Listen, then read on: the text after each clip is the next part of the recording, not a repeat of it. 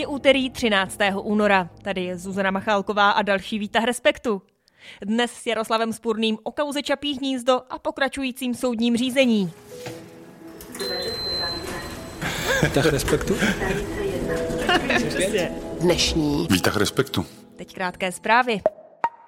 Americký senát schválil pomoc Ukrajině nebo Izraeli, a to ve výši víc než 95 miliard dolarů. Návrh zákona prošel nejen po celonoční debatě, ale hlavně po několika měsíčních jednáních, kdy americký prezident Joe Biden apeloval na kongres, aby co nejdřív schválil další pomoc pro Ukrajinu a další země. Především republikáni to ale blokovali a protlačovali spíš ochranu vlastních hranic než zahraniční podporu. Nicméně, než se ten návrh dostane k podpisu šéfa Bílého domu, tak musí projít oběma komorami kongresu, to znamená i sněmovnou reprezentantů, kde mají republikáni těsnou většinu. A tam by to podle některých světových agentur mohlo opět narazit.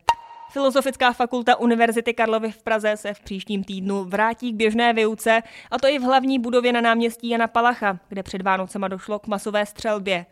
Výjimkou je tedy čtvrté patro, kde se střílelo, které zůstane dál uzavřené.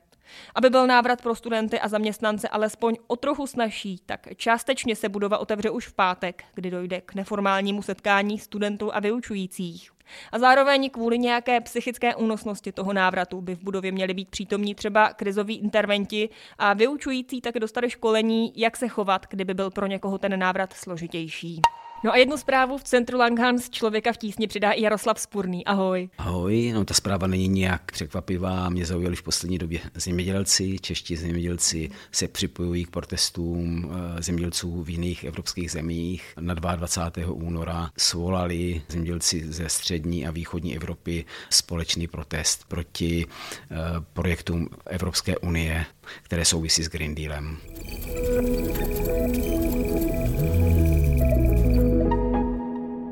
Dnešní Výtah respektu. ale tady jsem, protože Babiš. Jasně, že to bylo o Babišovi. Opakovaně jsem tvrdil, že jsem nikdy e, nic nespáchal nezákonného, že jsem neporušil. Kauza Čapí hnízdo se vrací k soudu. Tento týden ji znovu projedná Městský soud v Praze, kdy obvinění z dotačního podvodu v tomto případu čelí předseda hnutí ANO a expremiér Andrej Babiš a taky jeho někdejší poradkyně Jana Naďová.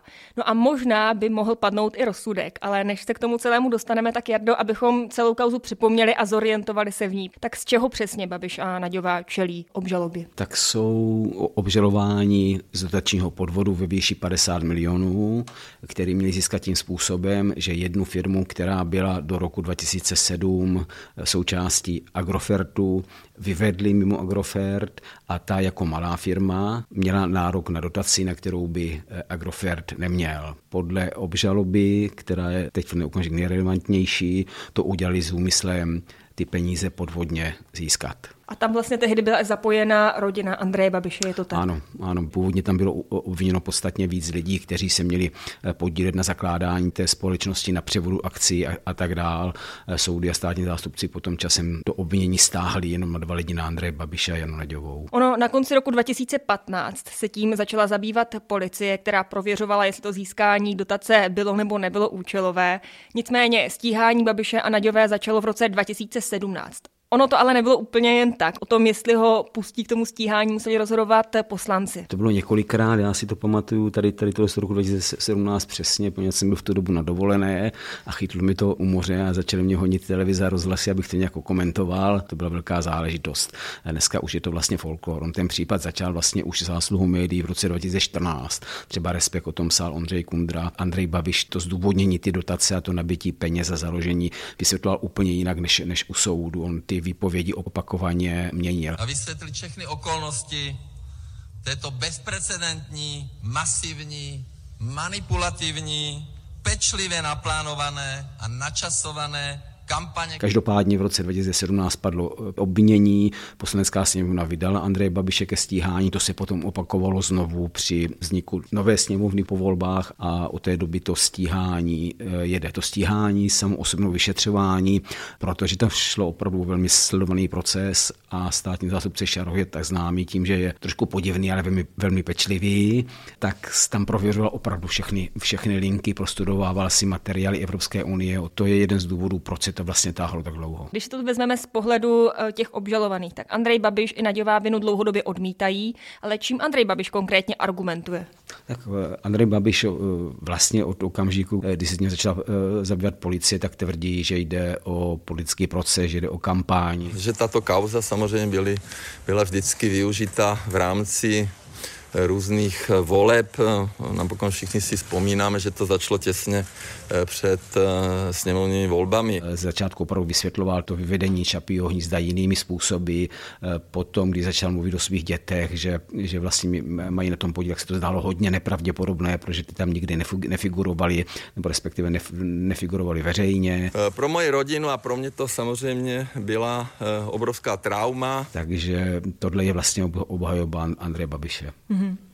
On tedy v roce 2018 tak tam přišel návrh na obžalobu, kdy žalobce Šaroch stíhání zastavil, nejvyšší státní zástupce ale zasáhl a tehdy ten případ vrátil k došetření, čímž my se vlastně dotýkáme toho, co jsme probírali spolu ve výtahu minulý čtvrtek o státním zastupitelství a o nějakých tlacích. Tam tehdy byl vlastně nejvyšší státní zástupce Pavel Zeman, je to tak? Ano, a tak ono to bylo eh, samozřejmě eh, tím, že dostal na Pavlu Zemanovi a že on eh, od začátku jak si signalizoval, že se to zruší, to rozhodnutí rozhodnutí Šarocha, tak se čekalo nejen na to jeho rozhodnutí, ale také Andrej Babiš byl premiérem, měl svého ministra, ministra spravedlnosti, později ministrní spravedlnosti a tak se čekalo, že skutečně na eh, Pavla Zemana a i vyšetřovatele budou z vlády velké tlaky. Oni tam možná nějak z dálky byli, ale myslím si, že Andrej Babiš tom, kde se spíš spolehal na nějaké své, své pomocníky. On sám je tady v tomhle smyslu trošku abych řekl zbabělec, ale použijeme slovo opatrný, tak nevěřím tomu, že někdy zvedl telefon nebo že přesvědčoval někoho ze, ze své vlády, aby tlačil na Pavla Zemana. To stíhání bylo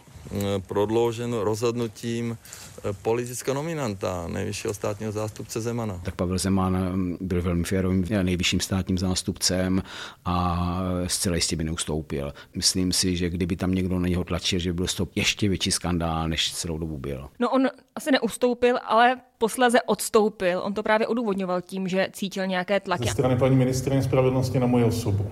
Vždy jsem byl zvyklý tyto tlaky snášet, odrážet, čelit jim. Nicméně jsem si uvědomil, že v současné době velkou část svých sil a času věnuji právě odrážení těchto útoků těchto půtek. Ty tlaky za celou dobu jeho desetileté éry tam byly, byly velké a samozřejmě souvisely i, i s Čapým hnízdem. Oni nebyli asi tím, že by mu volal někdo, budoucí premiér, minulý Jasný. premiér, současný premiér, ale vyjádření politiků v tisku a tak dále. A to samozřejmě na každého působí, protože ani státní zástupce, ani soudce není ostřížený od veřejnosti a od politiky. Ono potom v březnu roku 2022 tedy státní zástupce podal obžalobu na dvě osoby, Babiš a Naďová.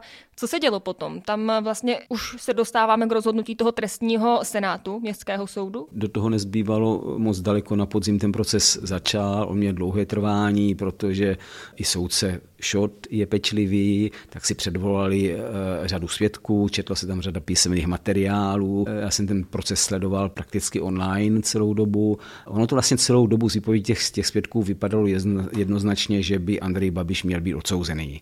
Ti svědci totiž říkali jednu věc, které potvrzovali tu tezi, že Čapí hnízdo bylo vyvedeno z Agrofertu kvůli té 50 milionové dotaci. A Babiš se hájil tím, že to vyvedl kvůli tomu, aby se jeho děti naučili podnikat.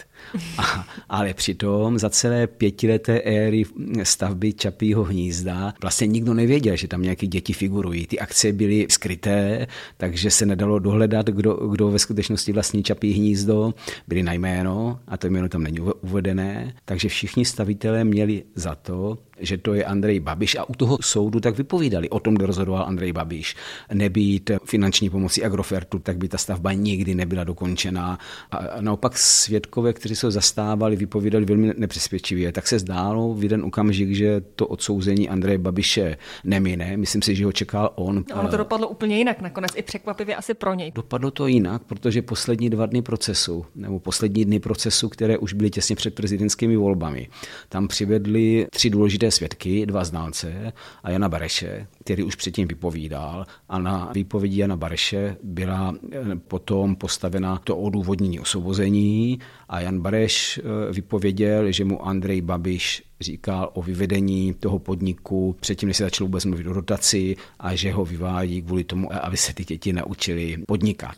A myslím si, že ani soudce to nedokázal dobře vyhodnotit a státní zástupce nedokázal adekvátně e, zareagovat na tyhle informace a nedokázali konfrontovat svědka s tím, co říkal předtím, protože říkal věci vlastně úplně obráceně. Tohle pokládám za největší slabinu toho rozsudku. Druhá záležitost, která se odehrála úplně poslední den procesu, teda pokud nejde o vynesení rozsudku, a to byla výpověď znalců, kteří posuzovali, jestli mělo Čapí hnízdo na tu dotaci nárok nebo nemělo. A to je taková komplikovaná záležitost, která stojí na předpisech Evropské unie a tam mluví o tom, že ty podniky, které dostávají dotaci, by neměly konkurovat jiným podnikům té samé firmy. Já se nebudu pouštět eh, do podrobností a tohle si myslím, že byla druhá věc, která tehdy soudce Šota a jeho senát přesvědčilo, že Andrej Babiš, a, ano, že eh, on zároveň soudce Šot eh, připustil, že jsou tam i obrácené důkazy, například podnikání Andreje Babiše mladšího,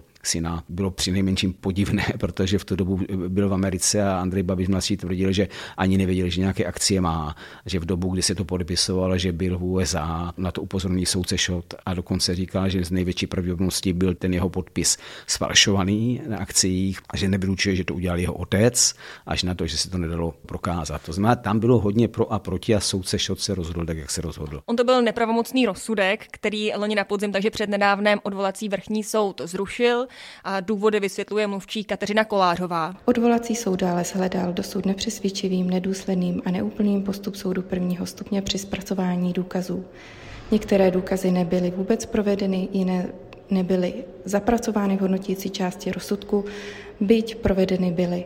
Sem spadá i nezohlednění všech důkazů v celém jejich komplexu, kdy se soud zabýval jen některými časově omezenými úseky celého projektu. A tím se vlastně dostáváme do současnosti, k tomuto týdnu, kdy ve středu a ve čtvrtek se to má znovu projednávat. Tak co konkrétně se tam má teda řešit, vysvětlovat? Tam jde spíš o výklad toho, co už bylo řečeno, především o výpověď Jana Barešovní jsme mluvili, mm-hmm. a především o tu soustažnost těch věcí, jak to bylo vyvedené, jestli tam ty děti podnikali, nepodnikali, jak to bylo s Andrejem Babišem mladším. A tady odvolací soud napsal nějaké noty, nějaké doporučení, kterými si ten nižší soud musí bezpodmínečně řídit. A ten soud tam jasně naznačuje, že nižší soud, městský soud, kterého se to bude zítra odehrávat, se dopustil tady, řekněme, špatného výkladu těch důkazů. To bude muset soudce šot eh, respektovat a ono to vlastně změní hodně pohled na celé to odůvodnění, které bylo a myslím si, že možnost, že budou Andrej Babiš a Jana Naďová odsouzení, že tu prostě je. Ne, že bych si to přál, ale jak to vychází z těch, z těch důkazů. Úplně to přineslo něco nového a Andrej Babiš a Jana Naďová jsou tam, kde byli před rokem. Jak dlouho by se ten případ ještě mohl táhnout? Ten rozsudek bude ve výjimečném případě vynesený tenhle týden. Já si myslím, že si vezme soud eh, nějakou dobu na rozmyšlenou. Může to být příští týden, může to být za 14 dnů. A vzhledem k tomu, že už ten proces má jedno kolo za sebou, tak, eh, tak by ten rozsudek mohl být vynesený poměrně brzy a možná v první poletí tohohle roku. Já to tam zítra budeš osobně u toho soudu? Ach, jdu tam osobně, ano. Se vždycky totiž vzpomenu na své oblíbené pelíšky. Máš lístek? Tak máš lístek? mám, mám, lístek má, mám lístek, jsem akreditovaný upřímně. Největší utrpení u toho městského soudu bylo sledovat Andrej Babiše jak argumentoval, jak se choval. Mi to připadlo jako, že vlastně neví, kde se ocitl a že vůbec nezná ty mantinely, které ten proces vymezuje. On z nich pořád vyskakoval a jeho obhájci tam tahali za, za rukáve, říkali sedněte si, nemluvte, hlavně neříkejte tady tohle, ne. On se neudržel. A to bylo hodně smutné. Jardo, moc děkuji za ten souhrn, měj se krásně. Já děkuji za pozvání. No a šéf-redaktor Erik Tabery nabízí souhrn textů, které na vás už v tuto chvíli čekají na webu Respektu. Já bych určitě doporučil text Sylvie Loder, eh, trochu netradiční, je to o dvou závodkyních, které projeli v legendárním autě Kachna soutěž Paříž-Dakar. Je to pozoruhodný výkon a zároveň strašně zajímavé informace o tom, jak se jezdí, závodí. Myslím si, že pokud by chtěl někdo si trochu přečíst něco zajímavého a příjemného, tak bych doporučil tohleto. A ještě tam máme text který se věnuje těm úvahám o takzvané eh, dluhové brzdě, jestli to má přínos, nemá přínos. Oslovili jsme několik renomovaných ekonomů, aby nám řekli, jak se na to dívají. Výtah. Jo. Výtah respektu. Co ještě jinýho? Dnešní. Výtah respektu. A to je pro dnešek vše. Tak zase zítra v pět odpoledne na webu i podcastových aplikacích.